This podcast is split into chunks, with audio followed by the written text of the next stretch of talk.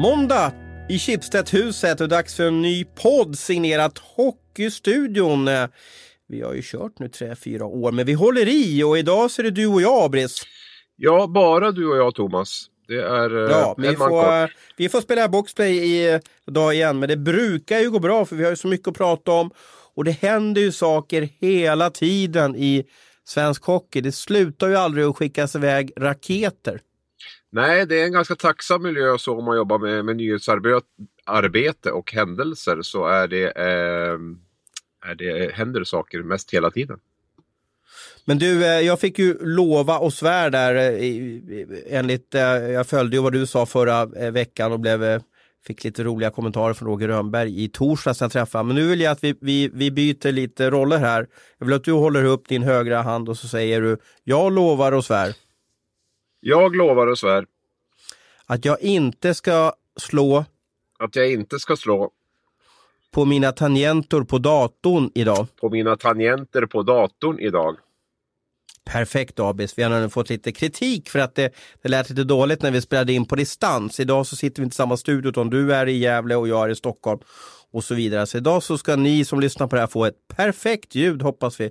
Men kom gärna med konstruktiv kritik om ljud och innehåll, journalistik, tankar, eh, upprepade ord. Det älskar vi. Vi vill kommunicera och vara transparenta med hockeyfansen. Det är ju därför vi gör det här. Och vi slänger oss direkt in i SHL-kitten eller hockeykitten och pratar om det som kanske förvånade väldigt många i lördags. Raset i Karlstad ta oss igenom lite grundläggande. Vad var det som hände i, i arenan där i Lövbergs arena? De har ju tagit bort lila från arenan. Ja, och jag satt ju själv i Monitor ERP arena. Jag har fått lite kritik för att jag fortfarande inte skriver ut det tillräckligt ofta. Men eh, där satt jag i alla fall i lördags och var inte på plats i Karlstad. Men såg ju där, följde ju live-rapporteringen som är så utmärkt på Sportbladet där. Och eh, såg att målen bara rasade in i Karlstad och det var ju 7-0 redan efter första perioden och det höjer vi på ögonbrynen över och även i SHL.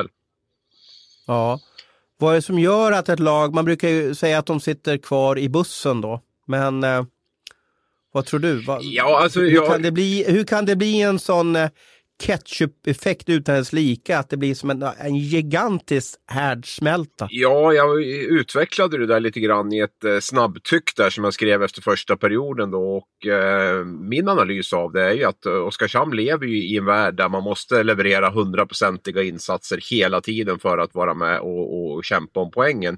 Och i långa loppet så, så blir det väldigt tufft. Eh, så det är, och har det. Och när man åker upp då till Karlstad och man får ett par snabba mål, det blir sådana matcher ibland där, där liksom allt bara rasar. Och när man åker upp till Karlstad då och eh, får ett par, tre mål mot sig snabbt där så, så är det som att dammarna öppnas lite grann. Och det tror jag beror mycket på att eh, man är, man är tvungen att ligga så himla nära maximal prestation hela tiden för att få med sig poäng och det blir ohållbart i längden.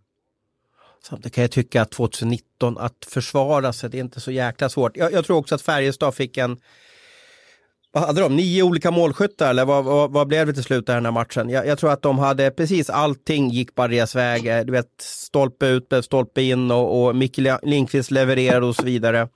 Uh, det var nog lite otur, lite synd om Oskarshamn att åka upp och, och så fick då Färjestad ihop precis allting. Det som de liksom har väntat och liksom legat inombords hela tiden. Det bara briserade i en jätte jättekanon där. Så är det ju. Färjestad är ju kanske det offensivt mest skickliga laget i hela SHL och de dagar de får det att stämma så är de ju jättejobbiga att möta och sådär. Så det är definitivt en aspekt i det. Men tycker också, titta på schemat som Oskarshamn har där. Man, man, man, möter liksom Luleå hemma, man har Växjö borta, man har HV hemma, Färjestad borta. Liksom varannan dag smäller det hela tiden. Va? Och man, eh, man är med bra i de tre första matcherna, får bara med sig en poäng ändå och sen komma upp dit och möta. Så det, det är en tuff vardag för en nykomling i SHL. Framförallt om du har en 10, 12, 14 miljoner mindre än näst minst betalande lag i SHL som Oskarshamn också har. Någonstans får det ändå nu sa jag det där förbannade ordet igen. Eh, ibland får du Någon, någonstans. någonstans. Kvalitet, det kostar lite grann med kvalitet och de måste spara någonstans för att eh, de har en betydligt mindre budget. Och det är klart, då blir inte, de har inte de här riktiga toppspelarna som de andra lagen har. Men du, ett sidospår. Eh, jag har faktiskt fått mail om ditt någonstans. Har du också fått mail om det? Ja, men det var väl förra säsongen.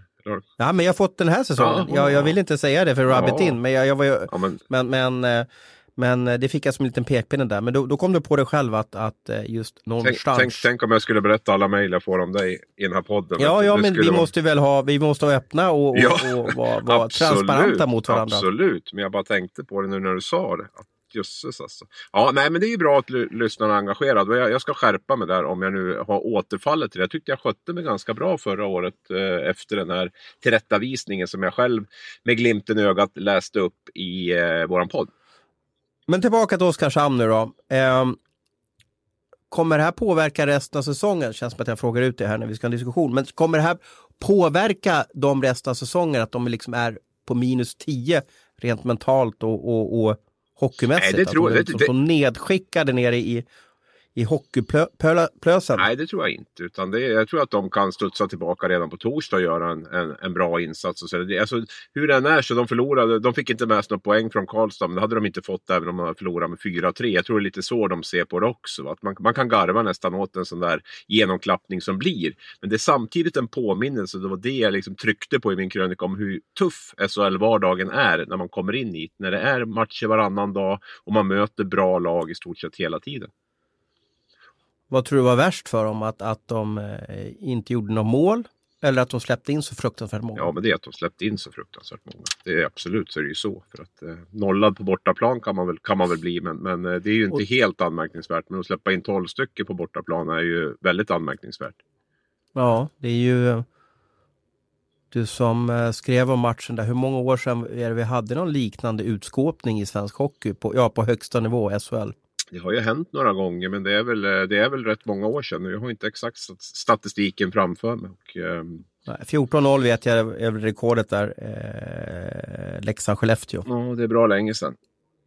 Mm, det är bra. Nu pratar vi 70-tal. Ja, när vi var, när vi var små, små barn. Men du, effekten av det här också blev ju då att, att jag förstår ju att Oskarshamnsfansen tyckte att det här var förnedrande och duka upp liksom ett, ett, en hockeybuffé på lördagen, eh, sätta på tvn, mysa med, med släkten eh, och, och, kolla när liksom favoritlaget skulle upp till anrika Karlstad och, eller anrika Färjestad i alla fall och, och, se den här stormatchen och så får man se det där.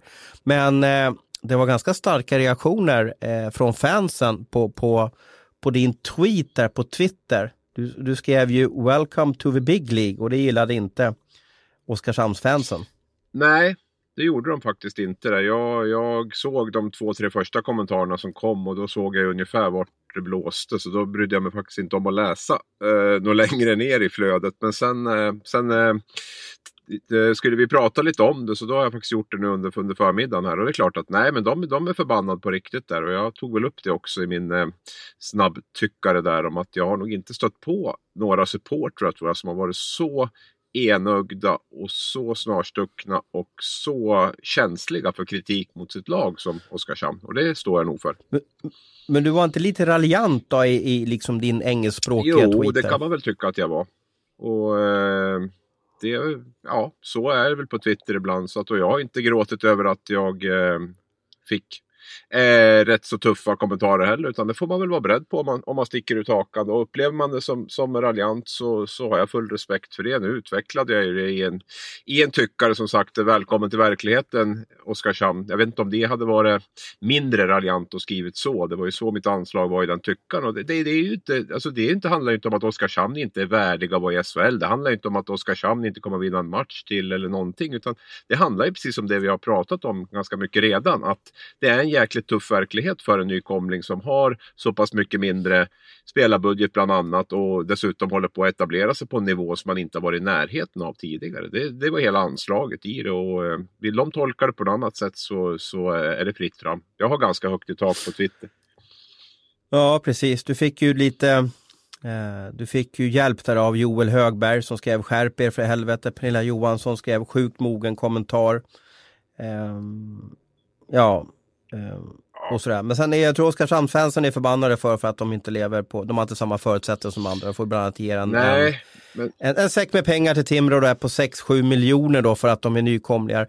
Och alla nykomlingar, vi ser ju Mora var uppe, fixade det inte. Karlskrona var uppe, fixade det inte. Många lag åker direkt ur som Leksand har gjort x antal gånger.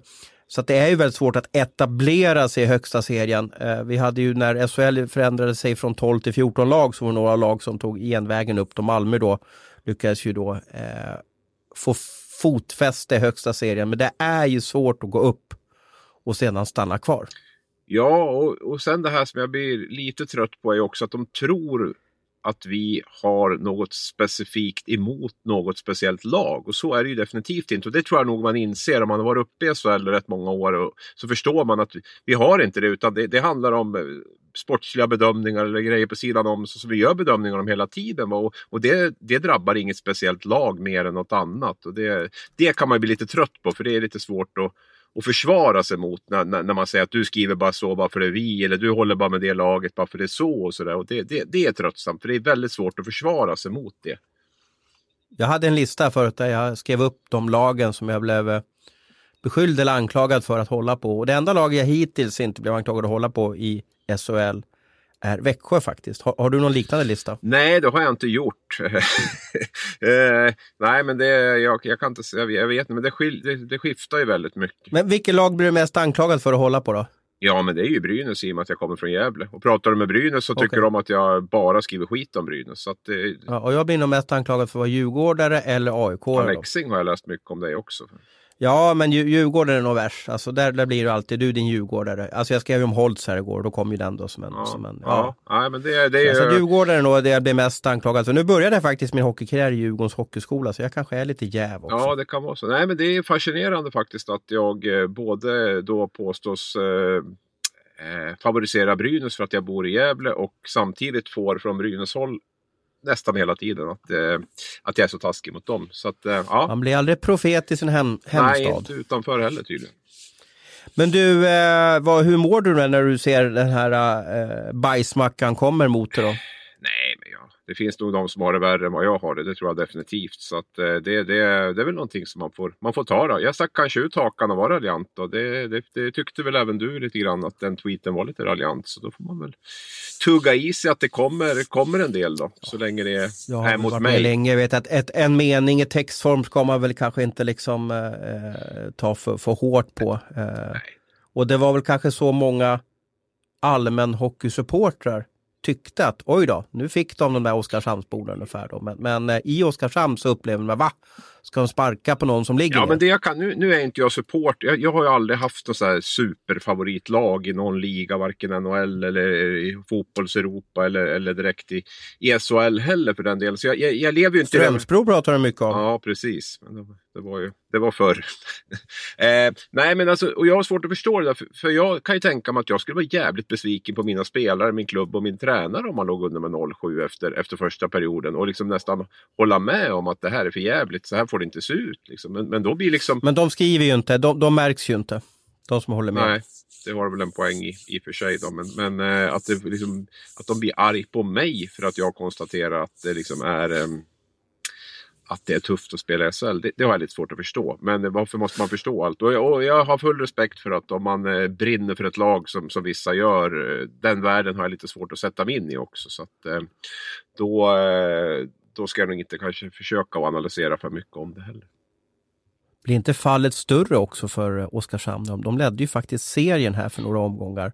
Och, och då kanske de tror, då kanske till och med börjar tänka på oj, slutspel. Ja, jo, det har väl varit liksom, det har, det har väl varit underdogs och, och, vi mot världen ganska länge, ända sedan förra säsongen där när man, när man tog sig upp och sådär. Och det är väl det, den mentaliteten man lever kvar lite grann i också. Så jag förstår ju det på ett sätt. Att Oskarshamn har ju varit den fula ankungen för många då som togs upp nu i SHL och nu har det gått bra i början på SHL och så. Så att då är det väl då blir det väl känsligt om, om, om folk eh, är på och hackar på dem. Du, äh, tippade du Oskarshamn som jumbolag i SHL eller på plats 13? Nej, som jumbolag, nummer 14.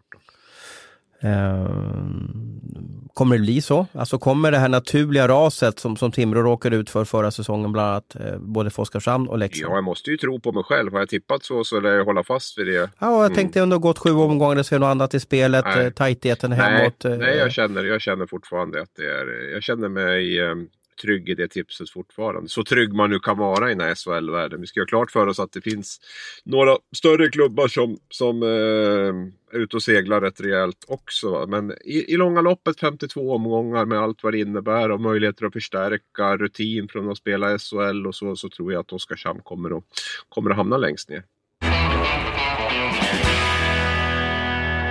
I lördags så tog jag upp bryggan på sommarstället på Smådalarö. Efter det så satt jag med bilen och, och färdades, ja det tror jag nästan varit 23 mil till Linköping. Eh, satt och, och eh, kollade lite på mobilen, inte rattsurfade men åkte in på, på Sillekrog där och, och kollade igenom lite och så såg jag till min stora glädje att Linköping inte ska spela musik, i alla fall under den här matchen mot Malmö då lördags. Jag vet inte om det blir eh, hur det blir framöver. Men i den där matchen så valde de att inte spela musik när perioderna pågick.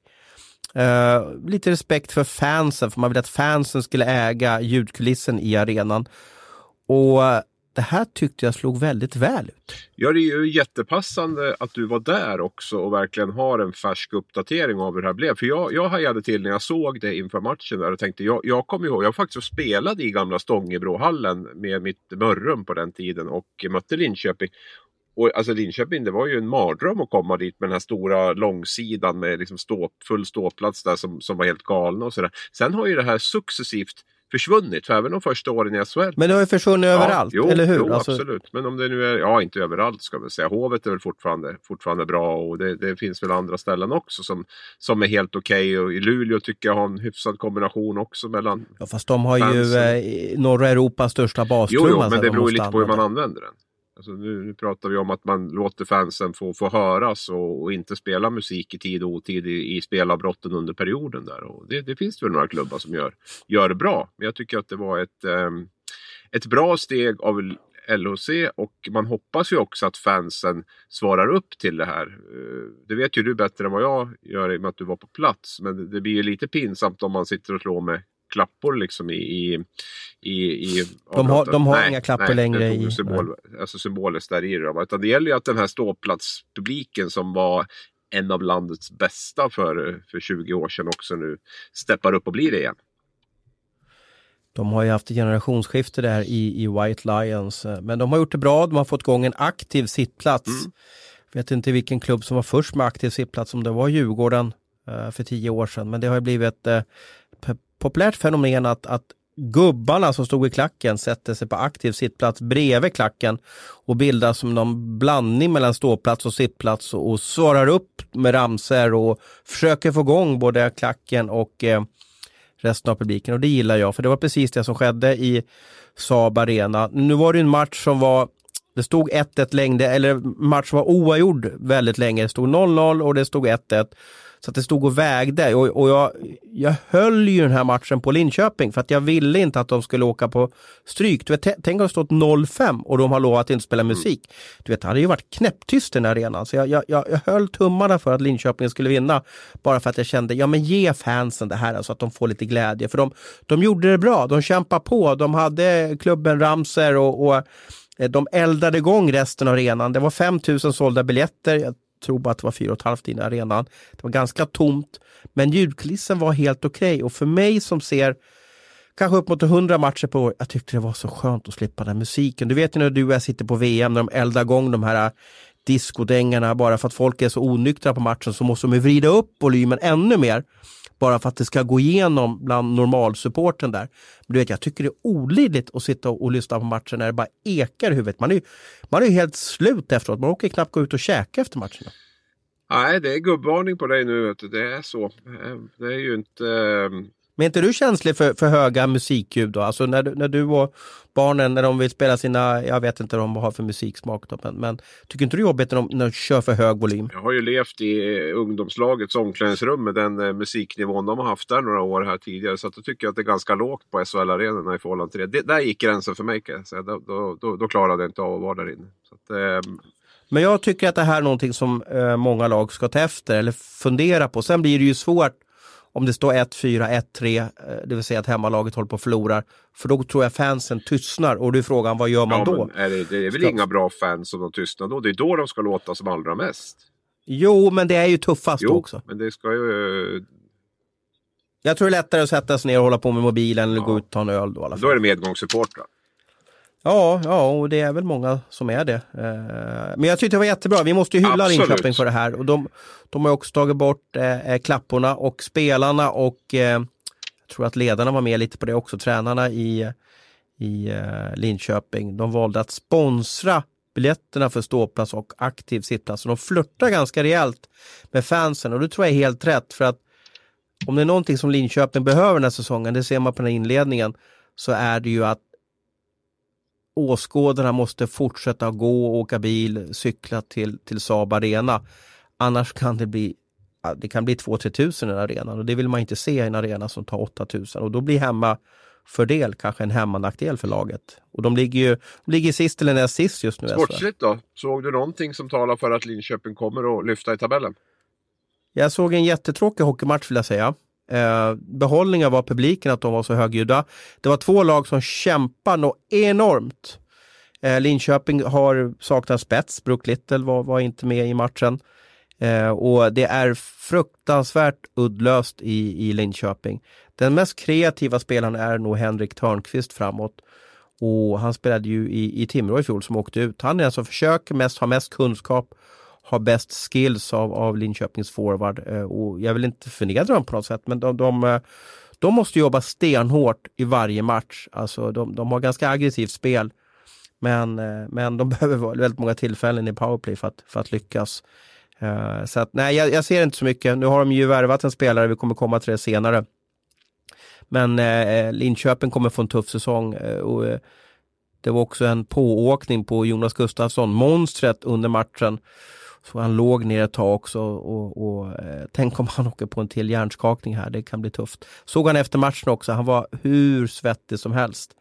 Det, han måste orka hålla hela säsongen alltså, annars så kan det bli en, en eh, köplats för, för eh, Linköpings stolthet. Sedan kommer vi till eh, en frågeställning som är intressant.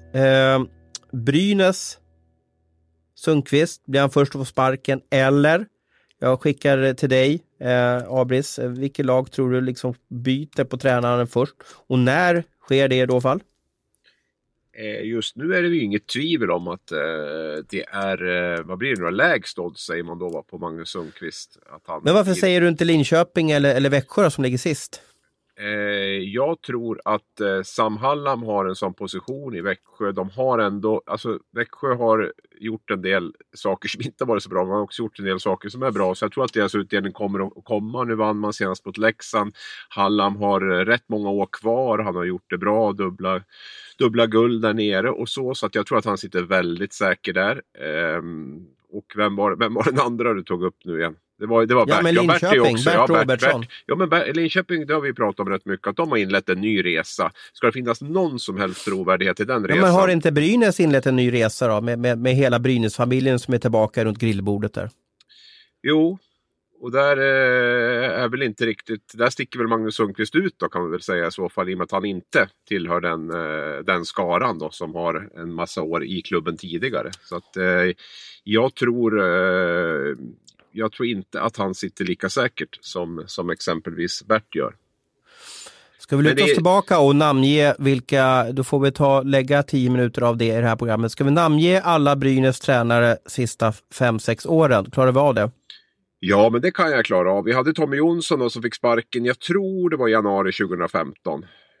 Ehm, Kom in, Thomas Berglund kom in då för resten av säsongen och skrev två nya år efter det. Så att då var ju han kvar 15, 16, 16, 17 då Brynäs spelade SM-final 2017. Eh, sedan kom Roger Melin in 2017. Fick han åtta matcher Roger tror jag eller? Kan det Ja, det gick väldigt snabbt i alla fall. Ja, det, det typ något mest abrupta. Det är väl han och eh, vad hette finske tränaren som sa vi ska vinna Nokelainen. guld. S- Esko Nokkelainen. Just det, han fick ju Ja. gå extremt snabbt också vet jag. Ja, ehm, och då, kom ju, då tog ju Tommy Sjödin och Janne Larsson över och det var ju en temporär lösning då enligt Stefan Bengtzén. Eh, det blev ju så att eh, Sjödin blev kvar som huvudtränare säsongen ut och dessutom fick två nya år. Ehm, och precis när han hade inlett den sessionen så fick han sparken och det var vid novemberuppehållet om jag inte minns helt fel. De hade vunnit två matcher mot Örebro i rad där och då fick Sjödin sparken. Ehm, och då kom ju Magnus Sundqvist som var assisterande tränare och tog över och eh, det var nog tanken tror jag att han skulle vara kvar den säsongen och ledare. Men Andreas Dackell då som var på väg in som sportdirektör fattade verkligen tycke för Magnus Sundqvist. Tyckte att han var en väldigt bra ledare och tränare och eh, förlängde kontraktet med två år där under, under förra säsongen. Då, ytterligare två år. Och det är det kontraktet som eh, Sundqvist har inlett nu. Då. Det jag menar, det jag försöker komma till där, det, det, och det vi har byggt upp, att det här är ju Hockeysveriges farligaste jobb att vara tränare i Brynäs, det vill säga att du riskerar att få sparken. Big time, vi pratar om odds där, så kanske den oddsen står i 1-0-1. Att blir man Brynäs-tränare, i alla fall sett hur det sett ut de sista åren, så är det stor sannolikhet att man får eh, sparken.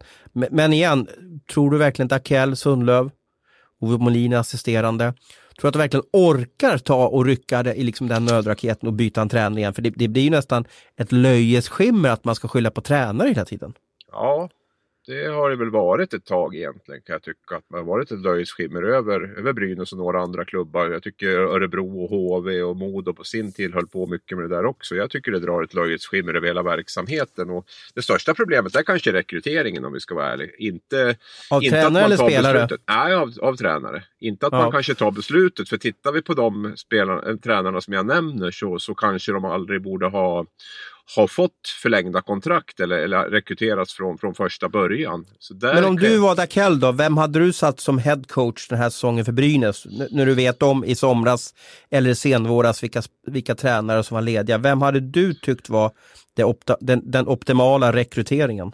Jag har ju alltid tyckt att Brynäs fungerar väldigt bra med en, eh, en eh, ganska kravfylld. Det finns ganska mycket spel i den föreningen och det finns ganska mycket skicklighet liksom på något sätt i, i, i den. Men, men det det behövs är en, en väldigt tydlig struktur över försvarsspel, bland annat över träningskultur och annat. Och jag har ju, jag har ju flera gånger lyft fram Björn Hellkvist som ett bra, bra namn för Brynäs som jag tycker att man skulle ha gått på redan eh, redan då när han kom upp till Modo. Det var ju för övrigt Mikael Sundlöv som, som, eh, som tog eh, Hellberg, eller Hellqvist mm. upp dit. Så då, han måste så ju ha varit väldigt intresserad av honom så att säga. Jag undrar om han ångrar det, det Micke, att han inte bara skrev ett år med honom. Ja, precis. Nu hade de ju redan förlängt med, med Magnus Sundqvist där. Och det är, ju, det är ju som du var inne på lite grann också. Att Andreas Takell, sportdirektören, har ju lagt väldigt mycket prestige. Det är ju han som har, det var han som sparkade Sjödin och Larsson. Det var han som flyttade upp Magnus Sundqvist till huvudtränare. Det var han som förlängde kontraktet med två år till. Han har ju lagt in väldigt mycket av sin prestige i att det ska gå bra med Sundqvist. Så att, därför tror jag också att han, eh, jag tror inte att han eh, åker redan nu. Men det är klart, fortsätter det så här fram till novemberuppehållet så tror jag att de... Eh... Ja, det blir ju panik. Det blir panik. Ja, det är ju, du vet hur det hänger ihop allting. Det är publiksiffror, det är supportrarna. Jag menar, det har varit missnöjt ganska länge. Nu fick man ett litet uppsving, alltså bland Brynäsfansen. Nu fick man ett litet uppsving i, i sommar här. Man har byggt på lite hemvändare och man liksom har ja, fått in en på, men det som var förutsättningen var ju en bra start, att få en bra start i, i Man på fick ju det också, först, första matchen. Ja, en match, men jag tänker mer på, på kanske 8-10 matcher, för, för mig betyder en match inte speciellt mycket. Um, så att, och det har man ju inte fått nu, så nu, nu är det ju skarpt läge där, det är ju inget snack om det. Och nu, nu, nu, nu får vi väl se lite grann hur de, hur de tacklar det här. För min känsla är att man får ju börja om på lite grann från noll. Man får ju liksom börja nollställa allting här nu och, och börja om med allting. I, och då pratar vi att vi är inne i oktober det man kanske skulle, det arbete man skulle ha gjort i maj ungefär. Att nu måste man komma fram till hur ska vi spela? För det är också en fråga jag ställt mig. Att Magnus Sundqvist ska ju dels införa tuffare krav i Brynäs och de ska spela en offensiv och rolig hockey. Och för mig är ju inte Magnus Sundqvist riktigt den tränartypen. Varken med de här, att han ska vara den här tuffingen som liksom ställer kraven och att han ska spela en offensiv hockey. Det, det, det tycker inte jag stämmer in riktigt. Och nu får man ju ställa sig frågan hur, hur man ska göra. Ska man backa tillbaks och, och verkligen spela som man gjorde i inledningen under Sundqvists tid när man spelar väldigt defensivt? Eh, eller ska man fortsätta med det här som Dakell har förespråkat och vara det här puck, eh, stort puckinnehav och, eh, och spela offensivt? Um, jag blir besviken på Brynäs om de byter ut Sundqvist, det måste jag ju säga. Jag, jag, tycker att de gör det lite lätt för sig och lite fegt. För de har ju byggt en stab runt hela Brynäs nu, det vill säga in med eh, Dakell som är alltså President of Hockey Operations, alltså väldigt engagerad i sporten. Inte som en vanlig klubbdirektör utan som en Uber-sportchef kan vi kalla det för. Sen har man värvat hem kanske den mest meriterade sportchefen i hela Sverige, Micke Sundlöv. Eh, sedan har man tagit hem eh, Ove Molin som var huvudtränare för eh, Karlskrona under två, tre säsonger. Eh, och en, en, stor erfarenhet både som spelare och ledare. Man har valt att fortsätta ge förtroende till Mikael Holmqvist, eh, tidigare tränare för Fagersta, juniortränare i Brynäs och byggt den här staben med Micke Sundqvist, eh, eller Magnus Sundqvist, inte spetsen vill säga, men som en komponent i det hela där man har olika roller. Slänger man honom framför bussen så tycker jag att det är urfegt. Jag, jag måste säga det. Oh. Men vad säger du, ska de, ska de bort med honom nu? Är det liksom, har, du, har du tappat tappat förtroende för, för, för Magnus. Jag har ju varit inne länge på att det är ju, inte, det är ju egentligen inte tränaren som person i Brynäs som det är fel på. Utan det finns ju dels en, en, problem, en problematik i, i hela organisationen som, som har funnits under rätt många år nu.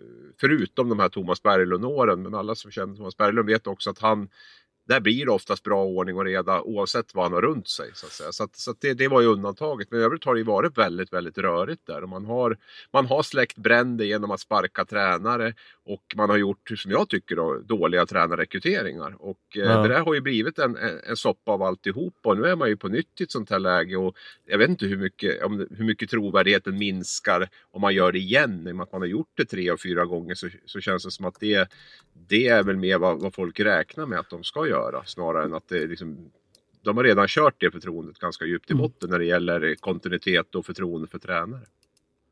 Um, frågan var ju, blir Sundqvist först att få sparken? Uh, jag, jag, tror ju att han just nu ligger sämst till.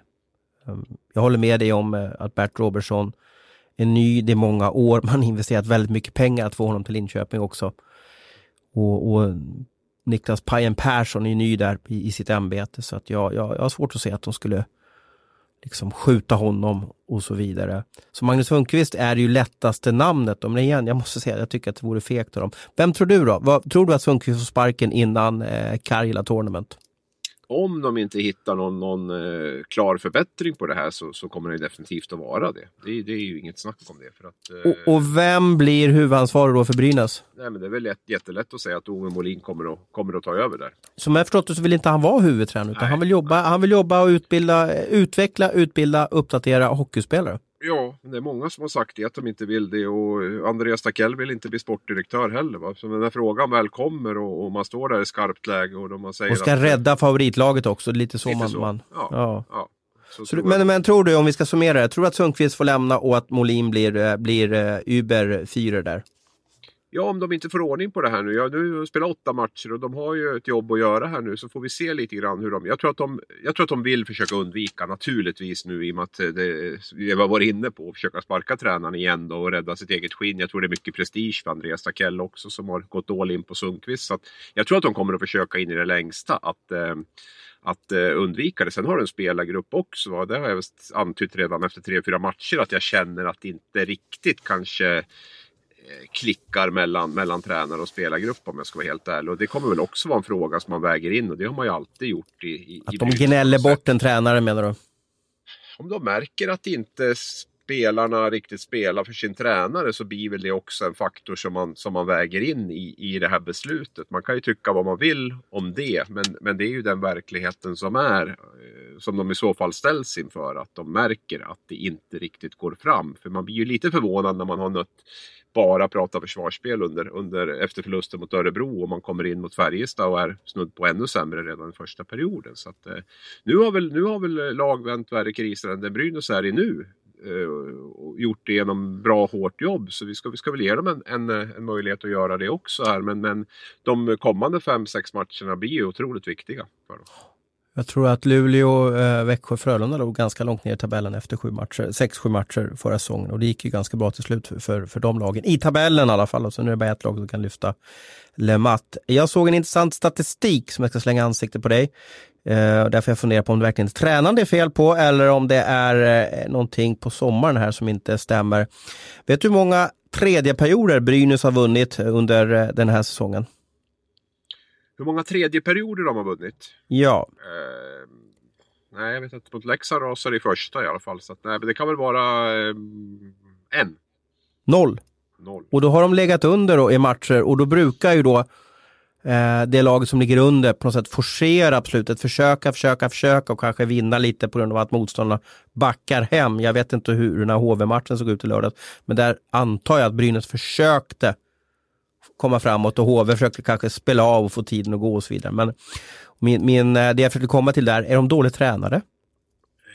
Ja, det är ju en fråga som går att lyfta. Det är ju två delar i det där. Jag tror de är det enda laget i hela SHL som inte har vunnit en tredje period.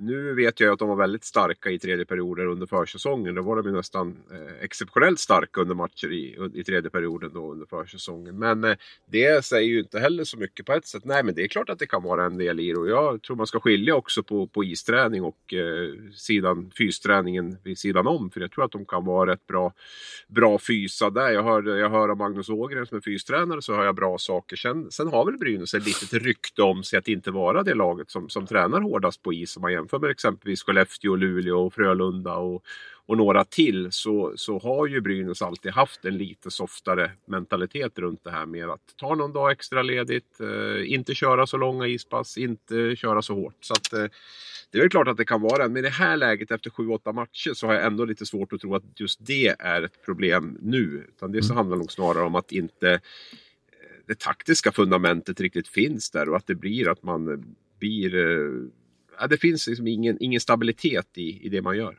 Nej, jag såg ju den här matchen Linköping-Brynäs för oj, är tio dagar sedan eller kanske två veckor sedan. Det kändes som att det var en tisdag jag åkte ner dit i alla fall. Kanske två veckor sedan nu i, imorgon. Vi spelar in den på måndag. Eh, och då ledde de ju med 3-1 men tappade matchen i tredje perioden. Eh, och då tyckte jag att, för de har ju lagt alla äpplen i, i eh, alla guldklimpar i samma korg där i första, första kedjan med Rudin, Scott och Dashano. Är det korrekt uttalat? Ja, vi diskuterar det. Det är Det Chano. Ja, jag hävdar ju Du Chano, säger vi då.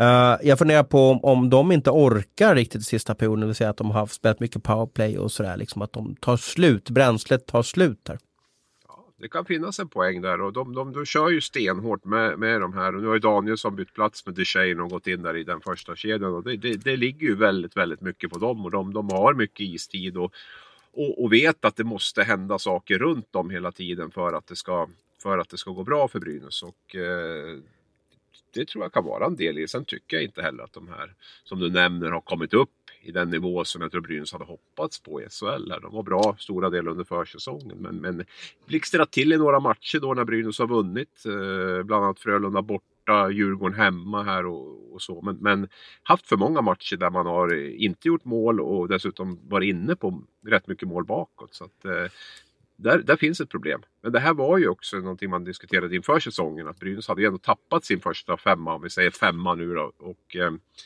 och det, det, var den som gjorde allting förra året. Så att även om de här kommer in och är bra så ersätter de egentligen bara de som, som försvann. Nej, nu orkar jag inte prata något mer eh, om, om Brynäs här, så nu går vi vidare. A lot can happen in three years, like a chatbot may be your new best friend. But what won't change? Needing health insurance. United Healthcare Tri Term Medical Plans, underwritten by Golden Rule Insurance Company, offer flexible, budget friendly coverage that lasts nearly three years in some states. Learn more at uh1.com.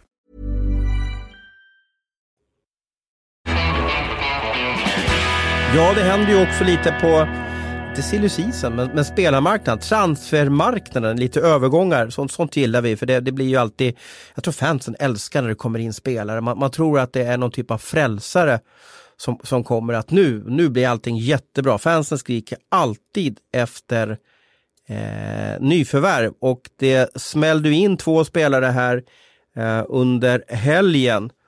Det var Ilari Melart som signade med Växjö och eh, Halevka Var det Mark Halevka eller vad, förna, vad var förnamnet på vår, på vår transatlant där? Vad skönt att du tog det efternamnet där, för det var mest, mest det jag var... Helevka, Helevka. Jag, faktiskt, jag youtubade honom här så jag hörde hur de transatlantiska eller amerikanska eller kanadensiska eh, eh journalisterna... Eller ja, så, du har till och med uttalet där eller?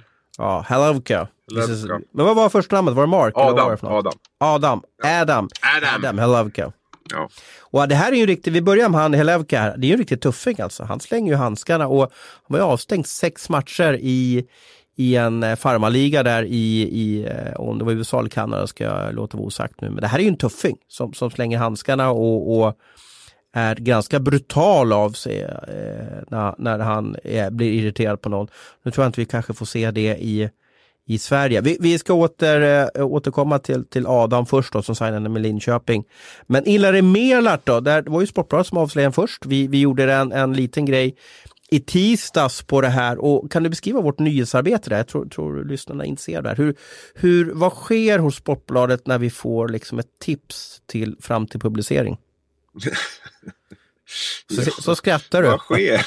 det här är det vi, vi pratar ring... om. Det här pratar du och jag mer om än vi pratar, pratar med våra fruar. Ja, det är ju det är en bra fråga. Det är bara det att jag, jag vet inte vad som sker. Det, det, det, Men vi börjar ju mässa med varandra, är, ja, är det, inte så? Det, jag skulle säga att det, liksom, det sker ju något där det blir ganska högenergiskt på något sätt. Man, man, man försöker väl få tag, man får ett tips, man jagar som en galning för att få det bekräftat och det kan ju te sig olika, på olika sätt. Oftast har väl i alla fall du och jag en kontakt där vi försöker på, på, på våra olika håll med våra olika källor och, och få det bekräftat. Då. Det är väl, eh, sen måste man ju alltid göra en bedömning till slut också. Är det här, håller det här för att skriva? Eh, är vi tillräckligt säkra? Hur skriver vi det?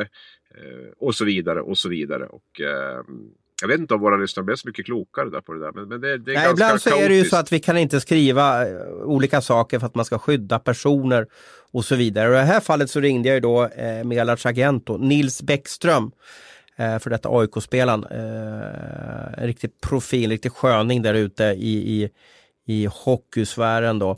Men, men han gav inte så mycket. Han vill inte hjälpa till. Han vill inte ge någon info där så att säga. Så att, men vi kände väl ändå att det här är nog värt att gå vidare på. Att det här fanns ju någonting då. Så jag, jag, jag tryckte på play till slut och, och gav, eller delade ut en artikel där där vi sa att han var på god väg i alla fall. Eh, vi vågade inte slå fast att han var helt klar. Eh, tycker att vi ska ångra det idag?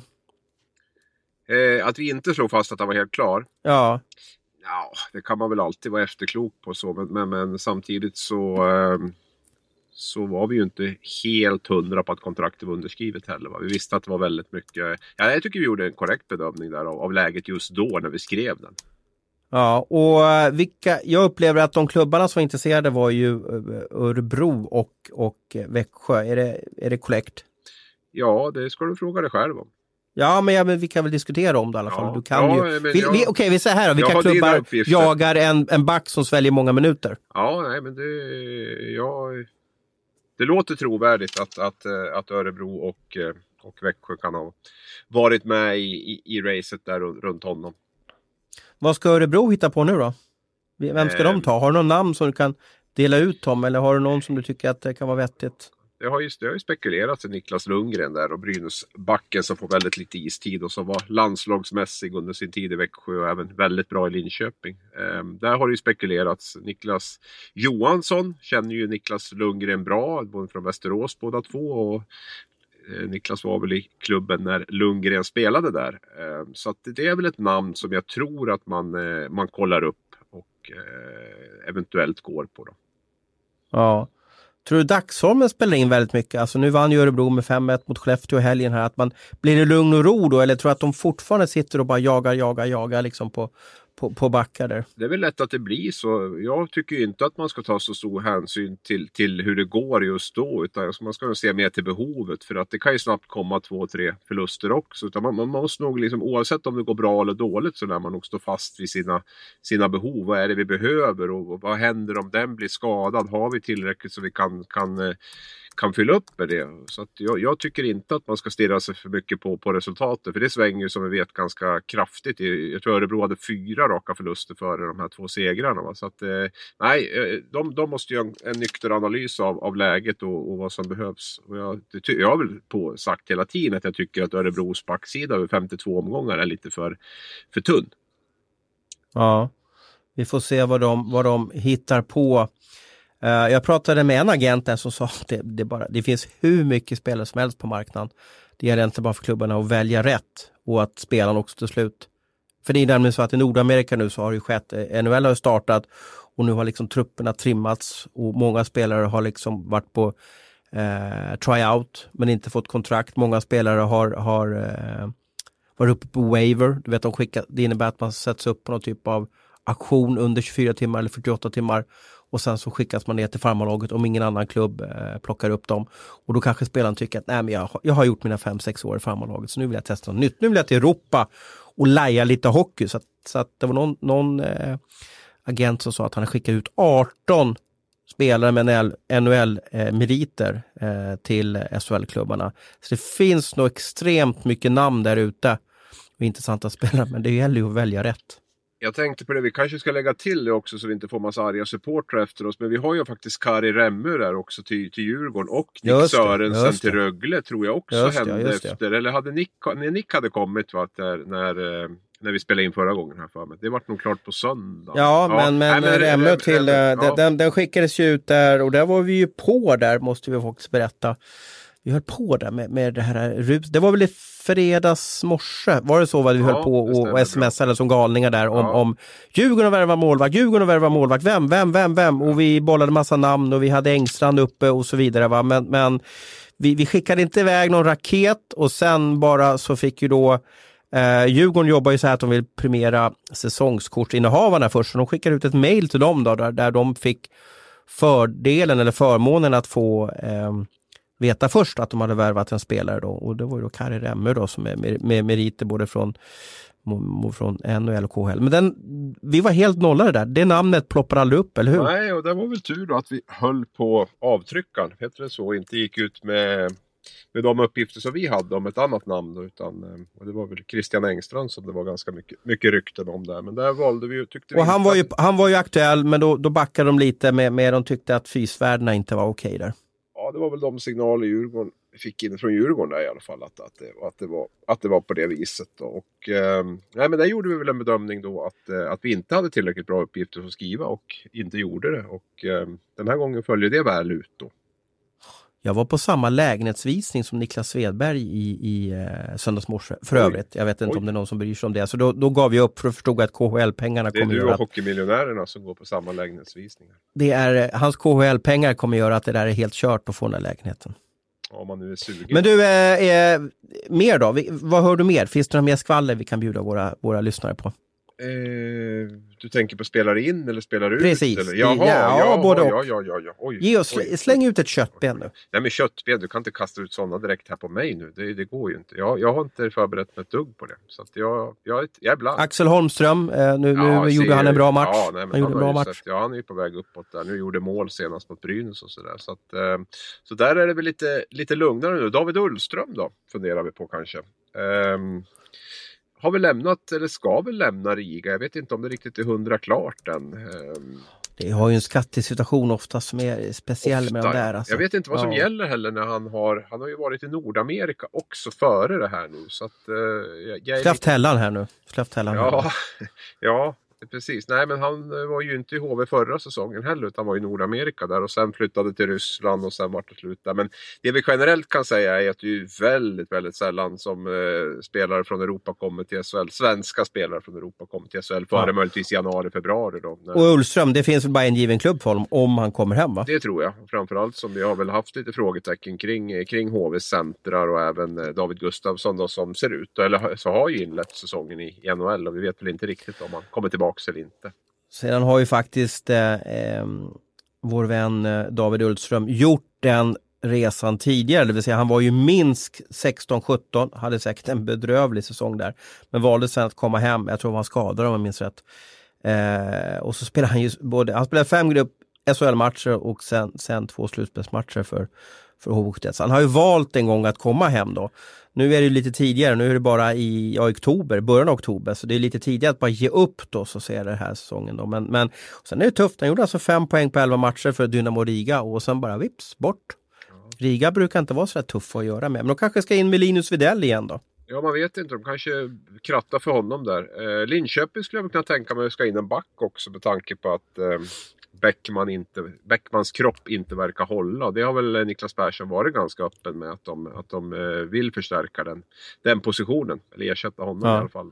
Det, det... Jag måste stanna lite med Ullström för övrigt. Jag, jag kollar på hans statistik. Han har alltså fem poäng på elva matcher.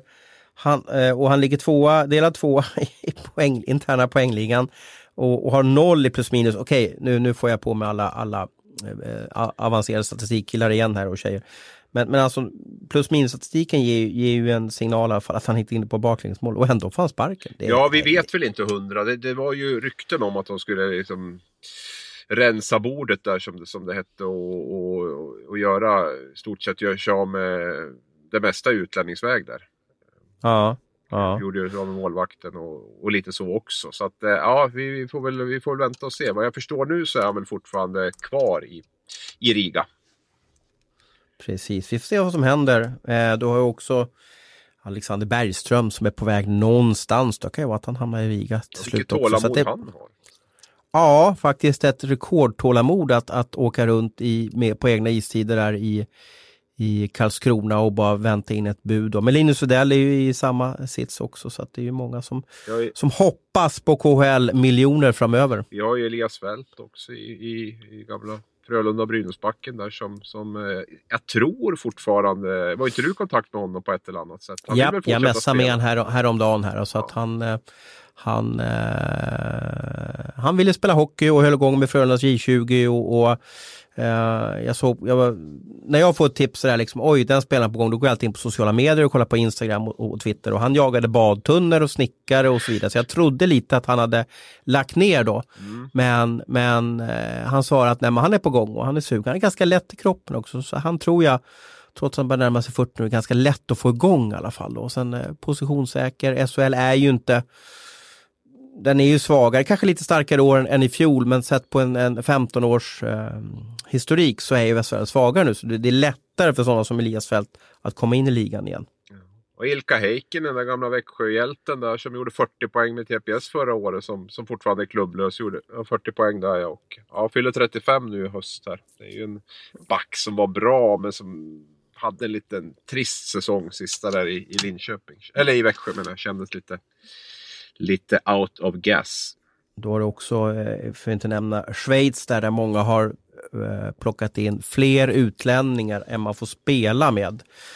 Bland annat så har ju Linus Klasen och Lugano suttit eh, på bänken i många matcher och har fått chansen på sluten här. Men då har en kille som heter Spooner fått sitta på bänken och då undrar man hur länge han är nöjd med det. De brukar alltid ha någon utlänning extra vid skador och så vidare och sen har de ganska bra liv där nere så att ibland får jag en känsla att de köper bänken bara för att det är ju så skönt att gå och lalla där vid, vid Comosjön och så vidare och kunna bada eh, från april till, till oktober och så vidare. Det, det, det är ett nice life där nere så jag tror inte sån som Linus Klasen kommer hem exempelvis. Tror du vi får se Klasen i SHL? Nej, jag, jag, hans ungar pratar ju eh, italienska och sådär så jag, jag, tror att han kommer försöka spela ut, jag tror det är sista året på hans kontrakt nu, först och han har ett väldigt generöst kontrakt. Nej, jag tror inte det. Eh, jag tror han passar också lite bättre i, i, i, eh, i Schweiz och han är ganska stor där nere. Jag tror att om eh, han inte hade fått spela på slutet i Lugano så tror jag att han hade fått eh, bytt klubb då någonstans i, i Schweiz. Men de har köpt nytt hus i Lugano vet jag familjen där så att jag, de trivs bra. De kommer försöka bo där så länge som möjligt.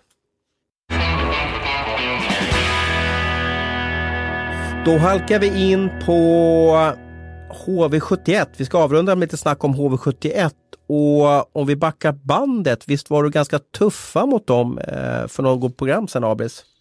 Ja, jag har väl varit ganska kritisk till HV71 under rätt många år. Jag tycker väl, som jag säger, men det är lite grann vad man har för förväntningar och, och krav också. Men jag, jag, jag, jag, ser ju HV kanske ändå lägger ribban ungefär där uppe att man ska vara ett topplag och vara med, vara med där uppe. Och det tycker jag väl inte man har levt upp till. Det har varit mycket rörigt med sparkade tränare där också. Jag tycker man har ah, inte fått någon riktig dynamik i lagbyggen och så. Så jag har varit, jag har varit ganska kritisk. Men nu har vi tänkt att vi ska avrunda lite positivt och hylla HV71. Men gör vi inte ganska enkelt för oss då? För de har alltså slagit Brynäs, Oskarshamn och Linköping sista tre matcherna och har tre raka segrar. Är inte det de tre svagaste lagen just nu i SHL? Jo, det var, det var lite min poäng också. Eh, just det här med att Linköping har ju, har ju sett väldigt dåligt ut i många matcher under hösten. Oskarshamn har ju haft sin tuffaste vecka ever i SHL. Eh, och Brynäs, ja, som vi har behandlat tidigare. Så att, där ligger en poäng. Sen är det tre segrar, alltid tre segrar. Och två av dem har kommit på bortaplan. Eh, och i det läget som, eh, som HV är, jag menar man har ju 9-1 där på, på Brynäs och Linköping. Och eh, det är ju imponerande siffror också. Jag tyckte att det var ett lite så här bättre bite, alltså lite vassare i, i spelet också mot Brynäs. Ganska pigga i benen, eh, bra skärpa i när man lägena kom och sådär. Så att, eh, som det kan naturligtvis se ut efter två raka segrar om man kommer upp för en tredje match. Att, men eh, det blir lite upp till bevis nu för, för HV när det, när det blir lite tuffare lag och sådär. Och sen att hålla i det här över tid. Att inte liksom det blir den här nöjdheten nu och att man tycker nu har vi vunnit tre, nu kan vi softa lite grann och, och sådär. Utan att man verkligen Eh, biter i för att vara det, det topplag. Nu tycker inte jag att man har riktigt truppen för att vara ett eh, topp 4-lag exempelvis. Men, men man kan ju eh, överraska både mig och andra och, och, visa att man ska vara det. Men, men eh, i alla fall att man är med på den övre halvan och, och är, är, stabila där. Då, då, då, krävs det att man, man är bra mer än en vecka. Ja, Martin Törnberg spelade 11-17 i, i lördags mot, mot, eh, mot Brynäs. Hur såg han ut för övrigt? Ja, men han gör ju sitt. Det är ju inte samma spelare som det har varit. Men jag tror att han betyder mycket med sin, eh, med sin närvaro och sitt, eh, sin rutin och sitt, sitt lugn och så. Men han är ju inte det offensiva hotet som, som han har varit tidigare. Och det, det, det tror jag att han inser själv. Sen tror jag han tycker att det är skönt att kroppen håller hyfsat i alla fall med tanke på hur fjolårssäsongen ser ut. Att han ja. kan spela. Jag tyckte ju att den här eh, Christian Sandberg, Oskarsund och Kristoffer Törngren var ju en, en bra line som gav mycket energi där åt, åt HV71. Så att eh, det är lite så här skitigare spelare som, som, som HV behöver som, som, eh, som gör det där det där eh, hårda jobbet som, som, som de måste få in där. Sen, eh, ja, när du nämner Christian Sandberg så, så jag var på uh, Djurgårdsmatch, Djurgården-HV måste jag ha sett och sen så Christian Sandberg så här, man har känt i många år så jag sa tjena Christian och sen så skulle vi skaka tass då. Och hans handslag, det, det, var ju som liksom att sitta fast i ett skruvstäd. Alltså jäklar! Det var, värre, än mitt, det... än mitt till och med eller? Ja, jo, men, jo det, det, måste jag faktiskt säga. För det var som en... Hans händer var ju som två, det var ju som ja. Ingmar Johansson-händer. Det var som ja. två händer som omfamnade. Ja. Men det, det är ju så han är, rejäl vet du, och vettig rakt igenom då. Ja, Nej, men det, man kan nästan men, se men, att men frågeställningen har... var ju det här, är, är det bara till tre matcher mot, mot förlorarlag? Det är fortfarande vänta och se nu i Jönköping, är det så ni menar? Eh, ja, beroende på vilka förväntningar man har. Jag tror väl att det här ändå har gett HV tillräckligt med luft för att kanske inte vara det här laget som ligger 10, 11, 12. Men däremot så är jag väl inte säker på att det, på att det räcker eh, till topp 4 till exempel. Men jag tror att det kan vara en bra skjuts på vägen att bli ett eh, sjätte, sjunde, åttonde lag någonting. Får väl se lite vad som händer här. Alexander Bergström har ju verkligen placerats i HV och kommer han dit och, och, man börjar få lite mer snurr på de här etablerade värvningarna. Camera har ju, dömde inte du ut han förresten? För, för inte så länge sedan. Ja, eller var det du som gjorde det eller var det Tellan? Det var någon, någon i Hockeystudion gjorde det i alla fall. Ja, jag tycker du har haft ett torn i sidan till honom här hela hösten. Men jag vet inte, jag kan ha hört fel. Det kan vara jag och Tellan ja. Det, det, som jag tyckte med Camara det är ju att nu gjorde han ju en bra match, i alla fall poäng senast. Gjorde han 1 plus 1 ja, i Han har gjort fem poäng den här veckan på tre matcher. Ja, det är bra. Det är bra. Mm, det är bra. Det är bra. Eh, men det jag menar att han var ju den här profilvärvningen eh, mm. som, som HV gjorde. Kanske tillsammans med Holmström och, och Erik Martinsson och så vidare. Va? Eh, men, men han har ju inte fram till den här veckan levererat och det är det de måste göra kanadensarna för att jag tror att HV71 jag var nere och poddade med dem, att de var ganska, de hade ju scoutat honom så noggrant. Jo, de, samtidigt tror jag nog att han skulle tillföra lite grit liksom till HV. Var en ganska så här jobbig fysisk spelare, bra att ha i slutspelet och sådär. Han att... spelar ju bara 13 minuter per match. Ja, alltså får... ja nej, men det är ju ingen superstar. Så tror jag att de har förväntat sig att han ska göra 50 poäng i SHL. Utan jag tror mer att han eh, dels levererar absolut lite poäng, men, men framförallt kanske vara en lite lite nagel i ögat på motståndarna också som vi kanske har saknat lite grann i, i HV. I, just i slutspel och sådär. Att man kan behöva ha någon som är lite, lite otrevlig. Men du, eh, SHL i stort då? Om vi avrundar några, några minuter när folk är på, på upploppet, eh, när de är inne på 9,6 kilometer, 9,7 kilometer här av sin löprunda. Det är underbart ut att springa nu för övrigt med den här luften och färgerna som finns i skogen. Så att sitt, inte, sitt inte stilla när ni, när ni lyssnar på det här. Ut och gå och, och ut och springa och så vidare. Det, är, eh, det mår ni jättebra av och det, det, det är en investering i er själva. Men, men eh, har du någon mer spaning lite så här generellt över SHL? Eller ska vi vara så tråkiga och säga åh vad jämnt det är? Nej, det tycker inte jag vi ska vara. Utan vi tycker vi går in på lite. Nej, men eh, Oskarshamn och Leksand har haft tuffa perioder nu. Eh, radat upp förluster. Leksand nollade helt den här veckan. Oskarshamn fick med sig en poäng i alla fall. Frågan är ju där, kommer de att få, få stopp på det här nu? Leksand förlorar två hemma också om inte jag minns helt fel. Och, eh, Frölunda och Växjö. Ja, ja, och vardagen kommer börja komma där så smått nu i de här klubbarna. Nu får vi se lite grann hur de, hur de hanterar det. Det tycker jag är intressant. Sen, eh, sen Rögle är ju otroligt imponerande. Eh, deras i andra änden av, av tabellen då. Ehm, jag var uppe i Leksand i torsdags och då kom vi in på Rögle, för Leksand hade precis mött Rögle. Och då frågade jag vad gör Rögle så bra? Och då ska se om det var Jon Knuts eller om det var Roger Melin som sa att de är ganska storväxta. Det, det, det gjorde lite ont att möta dem hela tiden. Det stod stopp hela tiden med fysik. In, mm. Inte kanske speed utan med fysik. Och det, då funderade jag på, ha, det har jag inte riktigt hört tidigare. Att jag, jag trodde det var åka snabbaste laget vinner SHL men, men då kör de i alla fall lite fysiskt och orkar göra det plus att de är, är även skickliga. Bara släppt in 14 mål på åtta matcher. Det är ju enormt bra då. Men, men där, där fick jag en liten aha-upplevelse. De sa att nej, det, det gjorde lite ont. Det tog stopp där vid offensiv blå. Ja, de har ju en backsida som är ganska robust. Och jag tror nog att det är mycket som, som, som Leksingarna du pratar med syftar på där. Och, och duktiga att få stopp i egen zon tycker jag. Roger Rönnberg sa nu också att det här är det bästa försvarsspel vi har mött efter det här toppmötet då mellan, mellan Frölunda och Rögle i Skandinavien. Som... Och det är så enormt för då, då har vi ju Shira som är på väg in också laget. Där. Ja, Shira har väl, har väl spelat i alla fall nu va.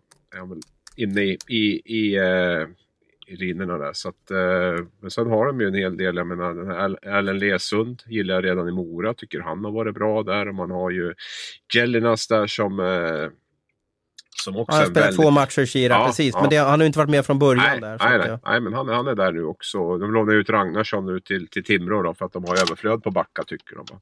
Karan är ju en skicklig back men också ganska stor och, och, och, fysisk och sådär. Så nej, men man har det och sen man, känns man väldigt organiserad. Man får väl lyfta på, på, på kepsen där för, för, för Cam Abbott och hans eh, ledarstab. Där. Så det känns som att Rögle inte bara är individuellt skickliga utan man, man är mycket en lagmaskin också på, på det där sättet. Ja. Målvakterna tillåts spela bra säger jag. De har bra hjälp tycker jag och eh, gör det också bra. Eh, man har fortfarande Ted Brithén på skadelistan som, eh, som kommer att höja det här laget ytterligare när han kommer in. Så att, eh, mm, det är mycket kvar. Mm, de gör det bra. Men du Ragnarsson, måste, jag måste be om ursäkt, jag har faktiskt inte hunnit mässa dig om att jag träffade ju hans far, Marcus Ragnarsson, i, i, på Hovet här i, i fredags. Och satt och funderade på, undrar vad han gör här då? Ja. Um, och sådär. Uh, han, han, jobbar ju med uh, Tre Kronor nu som assisterande tänkte snabbt, ska han kolla på någon, ja, han kanske hade kollar Jonathan Dahlén då, men det var givetvis för att slutföra det med, med med Kent, Nub, med Kent Norberg, Nubben, där sportchefen i Timrå, så slutförde de ju säkert kontrakten med, med och lite ville känna på varandra vad de har för tankar och, och roll i laget och så vidare. Så att där skulle, min nyhetsnäsa var helt igentäppt där och det ber jag om ursäkt för. Ja, jag, hade den. jag träffade Ragnarsson på Gavle, eller Monitor, förlåt. Ehm, och vi satt och snackade där och han är ju från Östervåla från början och där jag spelade en gång i tiden och så där. Så vi satt och snackade och så började jag komma in på hans barn och jag sa liksom, vad, vad gör grabben nu då liksom så här. Och, Ja, han spelar ju Rögle. Så här, liksom. Helt hjärnsläppt liksom. Jag visste ju att han var där, men jag, det var liksom helt så att, äh, ja, äh, så var det. Ja, vi, vi tog ju upp honom på upptaktsträffen också hur det gick, men då, då var han ganska nöjd med hur det gick i Rögle. Ja, jo, men han var väl rätt nöjd nu. Han insåg att de har ju otroligt bra eh, konkurrens där nere och han behöver ju spela matcher. Sa han också, så att det, det blir nog en, en, en, bra lösning. Han var inne redan på då att han skulle lånas ut till, till en allsvensk klubb. När, ja, det, var det, precis när Shira, ja, det var precis när Shira hade anlänt där. Och, eller skulle ja, anlända. och det är det ju bästa. Alltså, att sitta på bänken i SHL, då är det bättre att få lira i, i, i ett annat lag. Typ som Marcus Karlberg där i, i Leksand som kommer. Ja, vad hände där? Är han tillbaka i Leksand?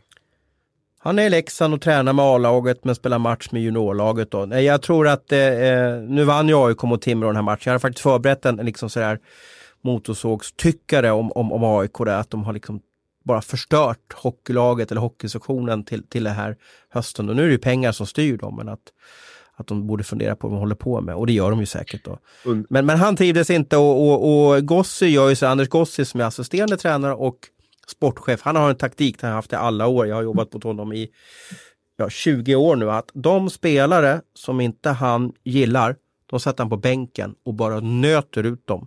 För då vet han att efter den matchen suttit på bänken kommer agenten ringa och så kan han det här spelet att ja, just nu är det så här. Och då pang säger bara så flyttar agenten eller försöker agenten flytta på spelaren och då, de kanske, då kommer de undan ekonomiskt på ett, på ett smidigt sätt. Och så det är gosse-taktiken. In i frysskåpet på läktaren och var tyst lite. Alltså förklara inte så mycket, säg inte så mycket. Rätt eller fel, eh, det vet jag inte, men jag, jag noterar i alla fall att AIK vann matchen. De slog Timrå i fredags. Undrar förresten hur många motorsågstyckare man har förberett som sen har hamnat i papperskorgen. ja, och vad innebär det om vi förklarar vad lyssnar vad, vad pratar vi om för något? Vad, vad då, vad då man för, kan ju gå förberett? på en match, vi ska göra det enkelt, man kan ju gå på en match som har ett lag med sex raka förluster och då kan man ju i vissa fall liksom för att vara mera genomarbetat förbereda ett, ett tyck så man slipper skriva allting i tredje perioden och släppa ut den på slutsignal. Eh, och chansa och gissa? Ja, och liksom känna att man gör det genomarbetat. Och så vinner ju det laget naturligtvis den matchen. Så då, ja. då, då blir det ju väldigt taskig timing. Så några sådana har vi väl faktiskt eh, kan ja. jag erkänna att jag... Och då försöker man jobba så att man ringer till folk och lyssnar och får det bekräftat det man har hört och så vidare för att få en genomarbetad text. Så att det, det håller jag med om. Men det, det, det, det är också, eh, jag vet inte om det är en tändvätska. Ofta så åker vi på de här matcherna också som är, oj då, det här laget, jag menar jag var nere i Linköping och, och, och du springer på Brynäs även av eh, geografiska skäl eh, och så vidare. Man, man, men är ju, SHL är ju lite en, en sträcka fram till slutspelet där krislagen får mycket fokus. Jag tycker det är lite synd att det är så. Att, jag tycker det är synd att vi inte, du och jag sitter varje match nu i Ängelholm och kollar och, och, och, och gör dokument om bröderna Abbots och så vidare. Det tycker jag är lite synd om vi ska vara självkritiska. Det är inte för sent än. Nej, vi får ta tag i det i veckan. Du, vi har passerat en ja, timme. Eh, till och med Sanny Lindström har sprungit eh, en mil nu. Eh, tack Sanny för att du lyssnar på oss. Och vi ska väl avrunda nu och eh, börja vända på lite stenar och få loss lite nyheter.